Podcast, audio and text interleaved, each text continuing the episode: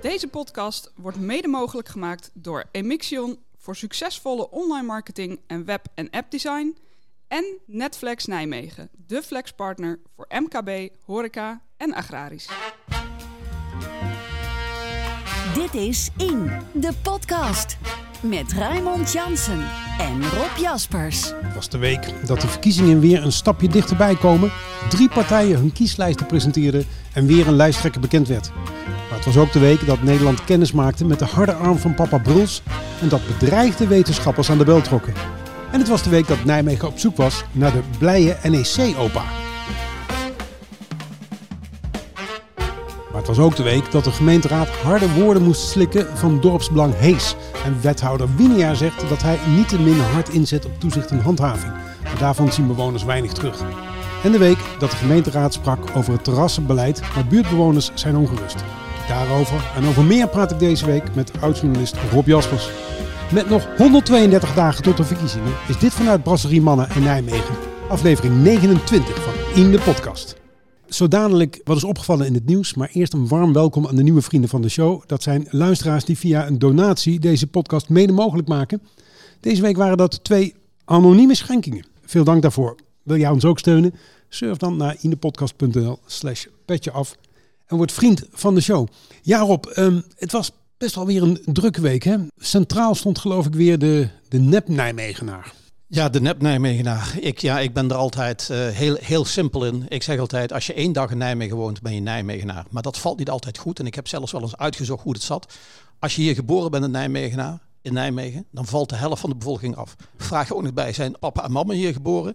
Dan gaat er nog een deel af. Vraag je ook nog, is de opa en oma hier geboren? Nou, dan blijven uiteindelijk, ik heb dat echt helemaal door de gemeente laten doorrekenen, 2.000, 3.000 mensen over. En, en ja, ik zeg altijd, die nieuwkomer, die nieuwe mens, die laat je ook verrassen. Die ziet andere dingen in de stad. Die leert je dingen waar je altijd voorbij loopt, toch weer op een andere wijze kennen. Ja, ik ben het met je eens. Ik vind het wel een beetje een, een sneuwe discussie wordt onderhand. Hubellenmakers die typeerden het wel scherp. Die zeiden, ja, de Romeinen waren ook import, want die kwamen hier ook niet vandaan. En uh, je moet ongeveer de wijn van Karel de Groot hebben ingeschonken, wil je een echte Nijmegenaar zijn. Die discussie raakt Kant nog wel ondertussen. Hij raakt Kant nog wel, vind ik. Kijk, natuurlijk, want het gaat over de politiek. De politiek moet divers ingedeeld zijn. Je moet van alle mensen in van de, van de stad moet je mensen in de raad hebben. Maar jongens, ook die nieuwkomen. Kijk, bijvoorbeeld, hè, je noemde in die aankondiging die blije NEC-opa. Ja.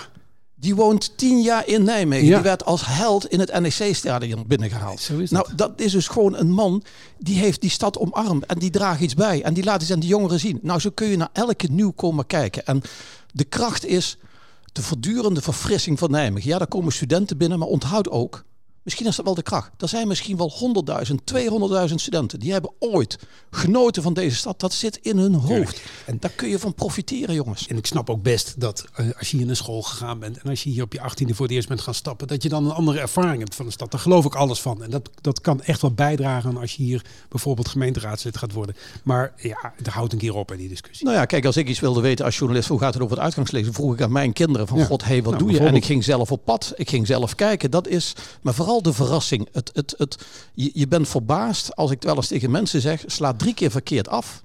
Wat ze plotseling ontdekken ja, ja. in een stad. En dat is ook die nieuwkomer. Die laat je anders kijken. Die voegt iets toe.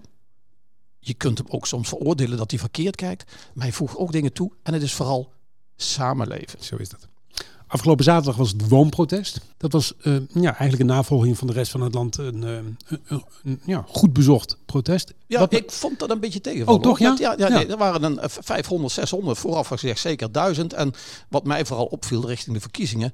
Alle aparte partijen die toonden allemaal op de social media hun beeld. Ik Ja. was erbij als Ja. partij. Ja. Het gaat erom dat je mensen meeneemt, mensen laat zien. Dus niet je partijgenoten, maar de mensen die deelnemen Ik aan zou, zo'n ik, protest. ik zou vooral te zeggen, ik was erbij de afgelopen vier jaar toen, eh, toen wij in de raad zaten. Want dat vind ik een beetje moeilijk. Ik, ik snap dat protesteren een, een groot goed is. Ik snap ook dat je dat, eh, dat, je dat eh, altijd moet kunnen doen. Maar vier jaar eh, deel uitmaken van een coalitie eh, die de woonproblemen niet heeft opgelost. En dan gaan demonstreren voor het onderhavige probleem. Ik vind dat een beetje moeilijk. Nou ja, ik kijk er in, die zin naar. Kijk, een hele hoop problemen met die woningbouw hebben natuurlijk te maken wel met landelijk. Als je kijkt naar de milieuwet, de stikstof, wat kan, wat kan niet. En wat ook bijvoorbeeld telt, de huurdersheffing die de corporaties moeten betalen, dat is een gigantisch bedrag. Bedenk, voordat die huurdersheffing er was, tussen 2006 en 2015 waren de corporaties, het ging om de woningbouw, Ja, snap ik. de redders van de stad, namen zelfs commerciële projecten over. Zeker. Nu zitten die corporaties enorm vast aan miljoenen per jaar die ze niet kunnen besteden. Dus ja, dat men roept het moet anders. Van de andere kant, kijk, daar liep nu ook een PvdA mee. Ik dacht dat de PvdA ooit wel betrokken was bij die invoering van dat eh, huurdersheffing. Ja. Dus kijk ook in de spiegel en mopper ook stevig op jezelf Nou dat je ja, eens dat, fouten want maakt. de eerste die ik voorbij is gekomen was Hans van Hoofd. En eh, ik kan me toch herinneren dat hij de afgelopen eh, jaren behoorlijk betrokken is geweest bij, eh, bij de coalitie. En het zijn wethouder was die toen het keer wel kon vergat om prijsafspraken te maken voor nieuwbouw aan de, aan de Willemsweg. Dus Ja, nee, dat weet ik. Dat was toen een drama bij de Willemsweg eh, nieuw bouwen en praten over sociale bouw en vervolgens een, een, een, een enorme hoge huur Ja. heb- hebben. Of dat, dat, vervolgens een hoge huur waar de wethouder niet op tijd had ingegrepen, niks had vastgelegd. Ja, dat was een enorme blunder, ja. Ja, ja, Ja. ja. toen ik Hans van Hoofd daarover sprak, in aflevering 4 van de podcast noemde hij beeldvorming. Eh, term die ik wel vaker hoorde de afgelopen tijd. Maar het is natuurlijk gewoon een grote blunder. Nou, hij was er zelf, als hij toen beeldvorming noemde, hij zei toen later dat die, die, die ontwikkelaar nergens anders meer in de stad aan de bak mocht komen. Dus hij wist toen ook dat er iets fout zat. Overigens las ik in de Gelderlander dat er plannen waren om aan het Keizer Karelplein te gaan bouwen. Eh, Ik las in het verhaal niet zo heel veel nieuws, maar ik weet inmiddels wel dat die appartementen die daar gebouwd gaan worden, In het ABN AMRO gebouw bedoeld. Dus het is niet bouwen, dit is dus vooral verbouwen. Hè? die gaan het woonprobleem niet oplossen. Want ik weet inmiddels wie het gaat tekenen. Dat is het architectenbureau dat ook verantwoordelijk is voor bijvoorbeeld eh, Museum het Valkhof en voor het Centraal Station in Arnhem. Dat is UN-studio's van eh architect van eh, Berkel. Ben van Berkel. Dus dat worden dure appartementen. Ik denk dat dat dure appartementen worden. En eh, sommigen droomden al, dit zou een fantastische plek zijn voor jongeren om te Ja. wonen. Maar dan moet het betaalbaar zijn. Ja, En, er worden eh, rijke jongeren zullen daar gaan wonen. de, de eigenaar is ook een bekende steuner van de NEC. hè? Nou ja, Marcel Boekhoorn is, eh, is degene die het heel lang heeft laten liggen eigenlijk. En nu dus volop bezig is samen met die UN-studio's om daar een, eh, een plan eh, te realiseren. Dat gaat er fantastisch uitzien, daar twijfel ik niet aan. Maar de woningnood gaat het, gaat het niet Het oplossen. gaat de woningnood voor, laten we zeggen, de starters. Want die dringen het meest aan op een woning. Niet oplossen, nee. Dit is In, de podcast. Woensdagavond, wij nemen dit op op donderdagochtend, sprak Roel van Tiel namens de vereniging Dorpsbelangen Hees met enkele raadsleden over de huidige situatie rondom de vervuilende industrie in Nijmegen. En Van Tiel merkte op dat eh, de ene crimineel in Nijmegen zijn eh, gang kan gaan en de andere hard wordt aangepakt. En daarbij bedoelde hij natuurlijk het opgerolde drugslab, ook in Hees, eh, dat binnen een paar uur ontmanteld was. Maar wees ook op het feit dat er al weken niet meer is gemeten, terwijl er eigenlijk volop meldingen gedaan zijn door bewoners, niet alleen uit Hees, maar ook uit de omliggende wijken. Dit wordt echt een heel lang verhaal. Hè? Dit wordt een heel lang verhaal. Dan zou ik het woord crimineel niet gebruikt hebben. Je bent pas crimineel of je bent pas, als je je veroordeeld bent, je bent dus verdachte. Ook de APN is een verdachte. Ook de ijzergieterij is een verdachte. Dat wordt gecheckt. Ik denk dat ze heel veel fout hebben gedaan. Maar het, is wat, die, die, het was een bikkelhard verhaal van Tiel. En hij reikte vooral aan van jongens, op 17 september, 24 september, 13 oktober, 14 oktober hebben wij massaal klachten ingediend. Maar er is niet één keer gemeten. Want dan roept de APN terug, ja we zitten niet op onze maximale capaciteit. Dus, maar, maar misschien hoeft dat ook niet. Je hoort de klachten van zorg. Doe er iets mee. En ja, ik, ik heb op die, diezelfde dag heb ik eh, s'morgens, eh, als toen de raad vergaderde, heb ik naar de vergadering van de ODRN eh, geluisterd. Gekeken zelfs. Ja. Ik werd uitgenodigd vi- via YouTube. En eigenlijk was het toch wel opmerken, want de directeur van de ODRN met allerlei wethouders eromheen, die deed toch wel een bekentenis. Ze was wel boos dat er met hagel geschoten werd op de ODRN, want we hebben gehad, we hebben enorme achterstanden, we hebben gefaald. Maar ze zei, wij doen ons werk eh, en eh, ook wij letten op, eh, op het, het milieu. Maar ze gaf tegelijkertijd aan, een soort bekentenis, en dat kwam een beetje op het eind. De afgelopen jaren zijn wij toch te veel bezig geweest met de financiën en de bedrijfsvoering. En het milieu kwam een beetje daarachteraan hobbelen. En ja, ik, ik ben daar verbaasd over. Eh, eh, natuurlijk, zij legde van niet de ODRN is de schuld, want het zijn de gemeenten die het geld geven en die mopperen altijd, oh, u bent zo duur. Ja.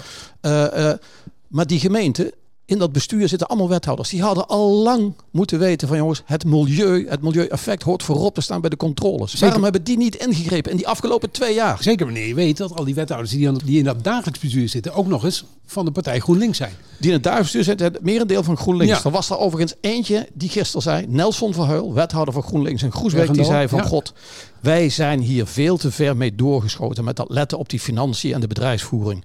Wij zijn hier voor één taak, dat is een veilige leefomgeving. Daar heeft hij natuurlijk volkomen gelijk in. En, eh, maar hij had dat twee jaar geleden moeten zeggen. Hij had het een jaar geleden mo- moeten zeggen.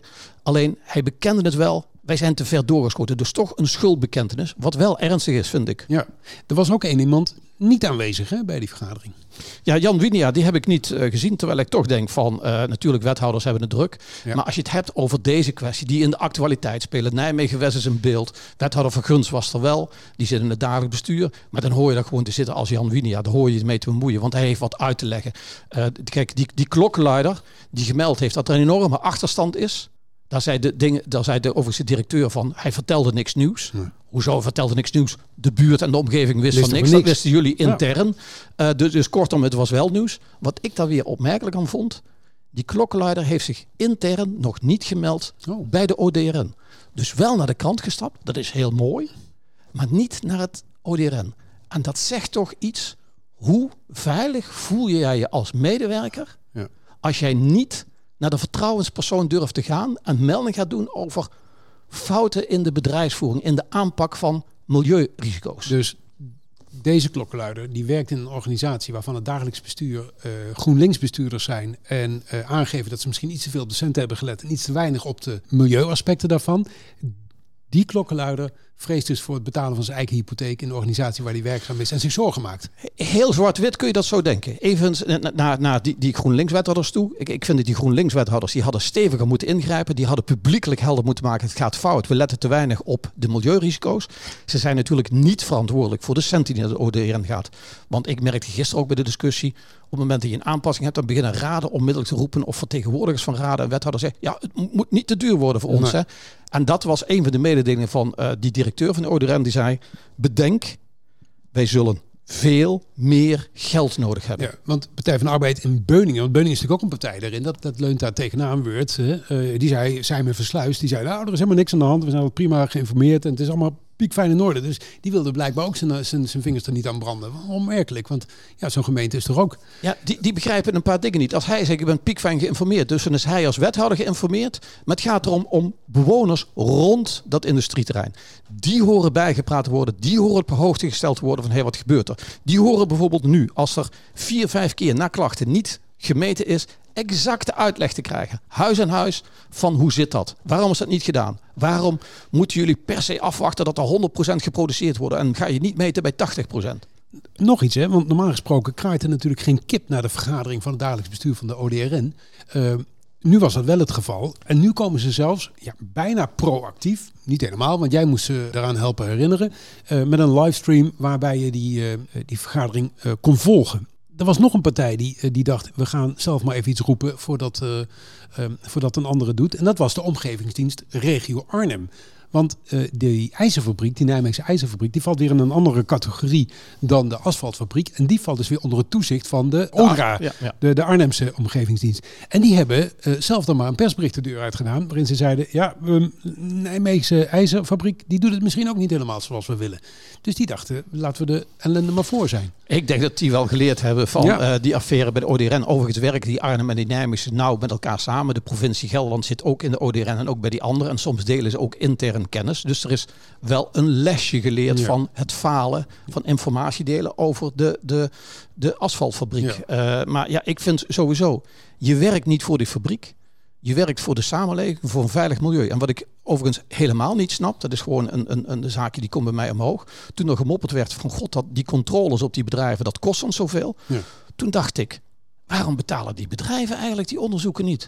Jij hebt als opdracht om schoon te produceren. Als jij schoon produceert en je meet, dan komt, is dat die uitkomst. Is niks dus waarom, waar- waarom, waarom zou je dat niet... Want je controleert niet om dat bedrijf een oorvecht te... Nee, je controleert om de samenleving veilig te houden. En dat, dat is een verplichting voor zo'n bedrijf om daaraan te voldoen. Dus waarom zou je die rekening Ja. niet daar neerleggen? Ja, dat is- ik, ik, ik, ik begrijp niet waarom dat nooit een discussie is in gemeenteraden. Wat overigens ook wel vreemd is, hè? want die ehm, eh, asfaltfabriek die valt dan onder de ODRN. Eh, en de buurman van de asfaltfabriek, dat is de ijzerfabriek, die valt dan onder de eh, Arnhemse omgevingsdienst, waar dan ook weer een gedeputeerde, Peter Drent geloof ik, hè, van Ja, het CDA ja, in zit. Dus die, liggen, die, die bedrijven liggen hemelsbreed, wat is het? Een paar honderd meter van elkaar Ja, vandaan. ja, dat heeft dan met milieuwetgeving te maken, met minder ernstige vervuilende bedrijven, zwaar vervuilende bedrijven. Dan liggen die verantwoordelijkheden liggen anders. Een gemiddelde burger snapt er weer niks van. Nee. Want als je het hebt over naar wie moet je dan reageren, is dat allemaal heel erg lastig. Ook dat verplicht je dus als overheid. Eén centraal punt, één punt waar je informatie kan krijgen. Kijk, ik heb nu die vergadering van de ODRN kunnen volgen. Hij staat zelfs op YouTube. Ja. Je kunt hem Ja, terugkijken. ik zal hem bij de Maar show dan- notes van maar deze denk ik- aflevering zetten. Ik wil eigenlijk de afgelopen 20 vergaderingen van de ODRN Precies. terug kunnen zien via YouTube. Ja. Want eh, eh, nu lees ik wel verslagen, maar er staat in... de raad ging akkoord. Het bestuur eh, stemde in met. Ik wil zien, heeft iemand ooit in die afgelopen twee jaar... zijn mond open gedaan over de milieurisico's bij bedrijven in Nijmegen-West. En dat vind ik niet in de notulen van de vergadering terug. En helaas is van die eh, vergaderingen ook weer geen livestream beschikbaar. Terugbladeren. En net als elke week bladert Rob Jaspers ook deze week weer terug door oude kranten. eh, op zoek naar nieuws dat actueel blijft. En eh, Rob, jij was deze week in Dukenburg voor eh, ja, Ja, weer, ik weer was, het woningprobleem. hè? Ja, ja, nou ja, het ging niet over het, zozeer over het woningprobleem. Er werd eigenlijk vooral in Dukenburg gesproken in het wijkcentrum Meijhorst over eh, nieuwe bestemmingsplannen voor Dukenburg. Ja. Waarin de woningbouw een impuls gegeven Nou ja, wordt. Overigens niet kwam alles voorbij. Want zo kwam de Wezenhof niet voorbij. Zo kwam niet eh, eh, het winkelcentrum Dukenburg voorbij, waar grootste plannen zijn. Maar het paste wel in. We willen Dukenburg een impuls geven qua woningbouw. Een paar weken terug heeft eh, wethouder Noël Verguns van Woningen gezegd van god, we gaan nu echt 2000 woningen bouwen. Dat klinkt overigens heel erg mooi, maar ja, het, het, het valt hieronder terugbladeren. In 2004, 5 zei wethouder Paul de Pla, wij gaan 1500 tot 2000 nieuwe huizen bouwen in Dukenburg. Dat was toen in het toekomstplan eh, Hart voor Dukenburg. Eh, in 2005, eind 2005, de Raad van Nijmegen besloot tot een versnelde uitvoering van die bouwplannen voor Dukenburg. 1500, 2000 woningen. Ja. Nou komt er natuurlijk de crisis tussen, maar het geeft een beetje aan. Dus 15 jaar geleden hebben wij dezelfde koppen in de krant gehad als die wethouder Verguns nu zegt we gaan in een tempo bouwen. Dus eh, eh, overigens is dat best veel, even dat hou ik ook altijd voor, er is best veel gebeurd in Dukenburg. Woningcorporaties hebben enorm geïnvesteerd in het duurzaam maken van woningen, in het opknappen van woningen. Thales heeft echt tientallen miljoenen erin gestopt. Portaal is bezig geweest, dus er is best iets gebeurd. Maar als je het hebt over, en ik geloof dat Standvast Wonen heeft ook een aantal nieuwe complexen gebouwd. Maar de slag die in 2005 werd aangekondigd, 1500, 2000 woningen, die is nooit gemaakt. Nee. En die wordt nu weer geroepen. We gaan dat doen. Ja, de vraag is, gaan we het waarmaken? Nou hè? ja, dat hè. Want ehm, eh, als we dan toch aan de terugbladeren zijn, ook in deze podcastreeks, hebben wij natuurlijk elkaar al heel vaak de vraag voorgelegd. Hoe kan het dat het steeds maar niet lukt? En niet alleen die vraag aan jou gesteld, maar ook eh, aan de andere gasten die hier ooit was aanschoven. Ehm, hoe kan het dat iedereen, ehm, iedere wethouder de ambitie uitspreekt? En hoe kan het dat er nooit iets van komt op een paar kleinere eh, projecten na? Nou, daar gebeurt nu iets leuks op de plek van de oude handlocatie bij Ja. het Stief Bukoplein. Daar worden 150, 160 woningen neergezet. Dus dat wordt een beetje druk. En straks bij winkelcentrum Dukenburg, dat gaat krimpen, wordt ook weer bij. Maar de vraag is in welk tempo? Ja. Hoe snel? Dat, dat, ja, daar ben ik... eh, Maar het zijn telkens 100 woningen, 200 woningen. Eh, ik las Ja. vanmorgen in Gelderland, Nijmegen Noord, dat, dat gaat nu heel hard. Ja. Eh, maar ja, Nou, daar vond ik het wel woord. Nijmegen Noord, dat vond ik eigenlijk wel, want dan zie je hoe groot die druk is. Dat vond ik eigenlijk fenomenaal. In Nijmegen Noord voor eh 134 woningen van Thales in Woenderskamp waren 35.000 reacties gekomen. 134 30 woningen. woningen. 35. Nou kan iedereen die een woning zoekt via entree, die kan op drie reageren. Dus je moet dat verminderen. Maar dat betekent grofweg dat 10.000 mensen smeekten op een van die 134 starterswoningen. Voor mij zegt er twee dingen. Het zegt iets over de woningnood. En het zegt ook nog iets anders. Nijmegen Noord is ontdekt. Er is geen jonge man meer die denkt van ik moet niet in Noord zitten. Dat was 15 jaar geleden nog even anders. Hè? Ja, en 10 ja, jaar ja. geleden ook nog. Dus Ja, er, is wel, er is wel iets aan de hand. En als je weer teruggaat naar Dukenburg. Ik, ik vond nog even terug van dat tempo van de woningbouw. En eh, ik, ik heb ooit eh, een stukje teruggebonden. En misschien is het wel symbolisch. Op 22 april 1960 werd de eerste paal voor Dukenburg geslagen door burgemeester Hustings. Mhm. Die heeft een paal 15 meter de grond in laten slaan. Op die plek is nooit gebouwd. Welke, waar was dat dan? Ja, dat, ik moet dat nog. Ik zag dat deze week. Ik denk, ik ga toch naar die plek toe. Want ik vind eigenlijk dat daar een bordje bij moet Ja. komen als symboliek.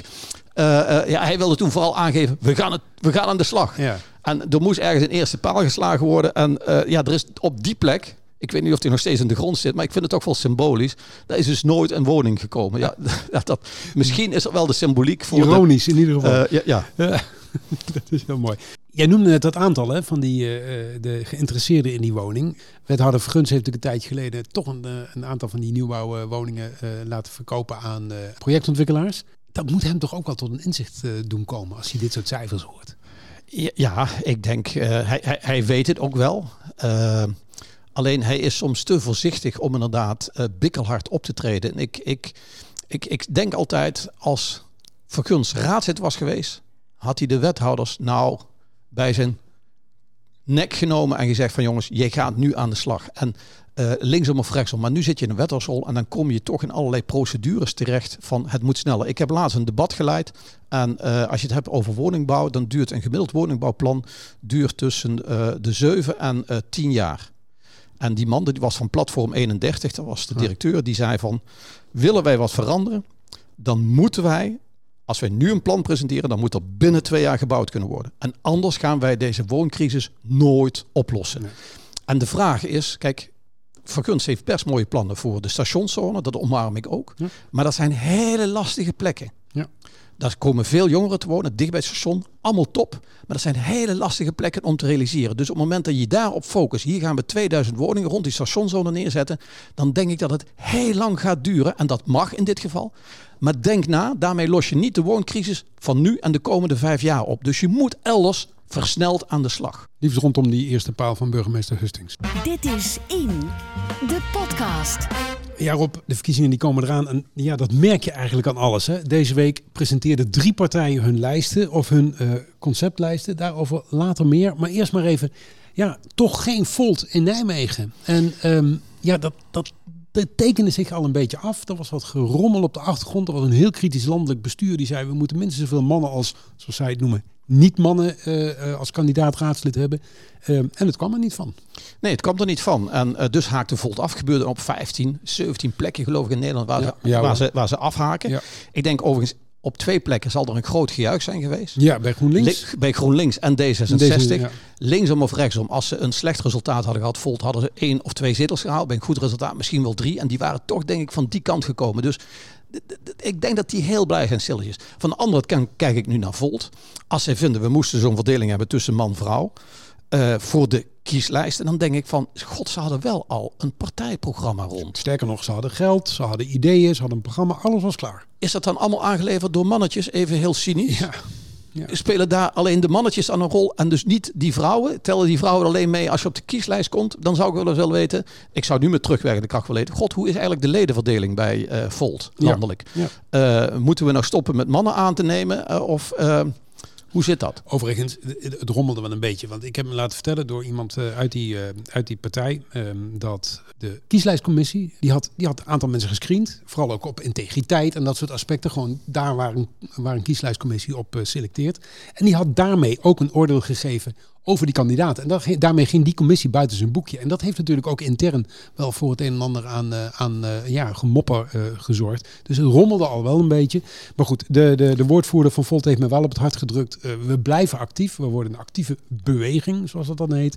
En, actieve mannenbeweging? Ja, ja, je weet het niet. Ja, ja, ja het zou zomaar kunnen. Arnhem blijft over, gaat overigens wel door, voor zover ik weet. Dus, en daar zijn ook wel wat vrouwen actief. Dus nou ja, ja. geen Volt. Luzanne Bouwmans die reageerde wat laconiek hier in de podcast toen toen ik haar vroeg eh, of ze eh, angst had voor, eh, voor Volt.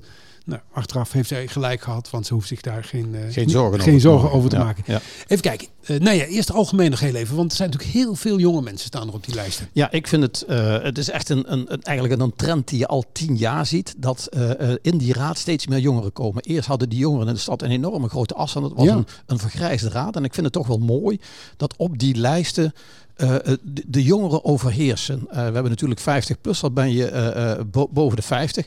Straks is daar één partij met misschien het oudste raadslid, dat is GroenLinks. No, Volkert Vinkens, die, die, staat op een verkiesbare plek, die is 69. ja, die kan bijna stemmen gaan werpen bij, bij, bij 50 plus kiezers. En ik vind het overigens best wel mooi. Je moet veel jongeren hebben. Ja.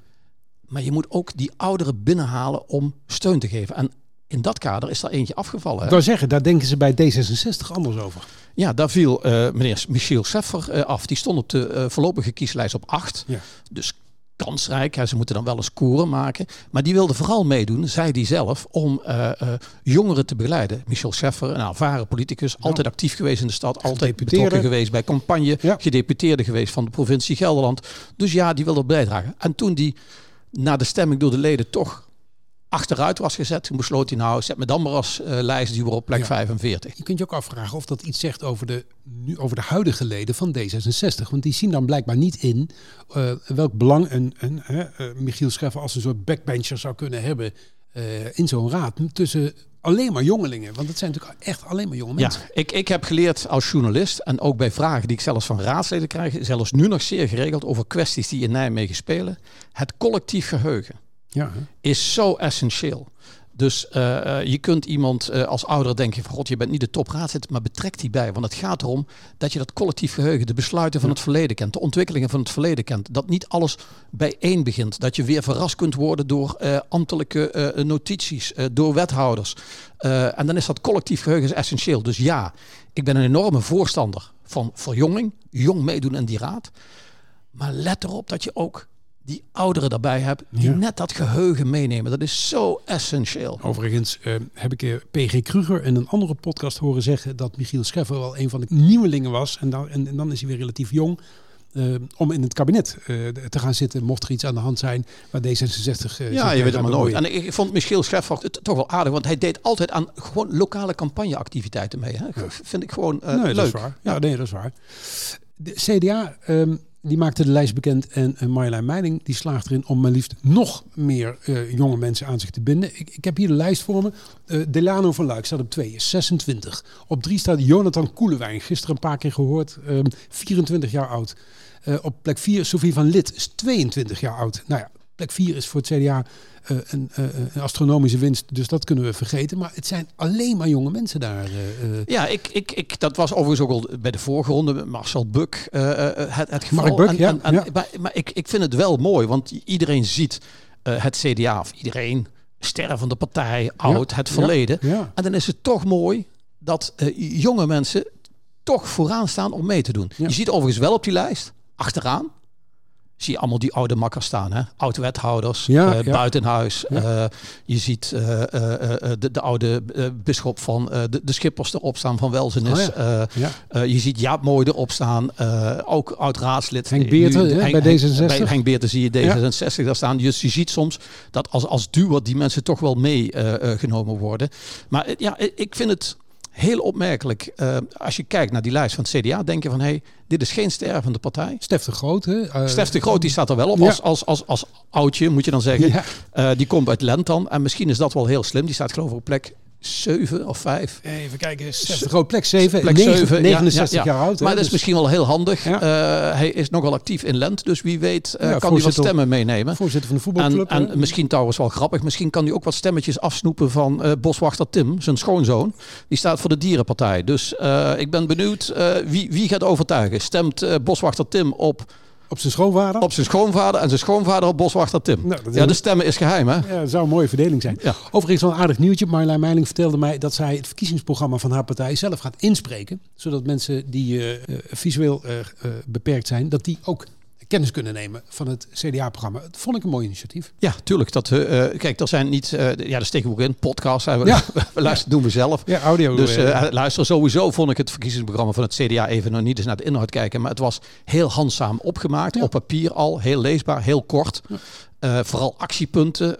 dus ja, ja, handzaam. En dat inspreken, ja, dat... dat Ja. ik, ik denk dat meer partijen dat zouden moeten doen. Ik denk ook trouwens dat meer partijen dat doen. Of- Ja, de CDA begint ermee. Laten we daar op houden. Ehm, ja, Hans van Hoofd is lijsttrekker. Ik zei tegen jou, dus volgens mij voor het eerst. Maar jij wist te vertellen dat dat Ja, niet zo was. Ja, ja ik, ik heb het niet meer teruggezocht. Volgens mij is hij al eens een keertje eerder lijsttrekker geweest. Maar ik, ik, ik durf het niet voor de 100%. Dus nu mag iemand mij op mijn vingers steken. Collectief geheugen. Maar ik heb het niet ge- gecheckt. Hij stond natuurlijk wel altijd hoog op de lijst. Hij is al heel lang fractievoorzitter. De vorige keer liet hij de wethouder voorgaan. Renske Ja, Helmer. ja. Nu is het opvallend.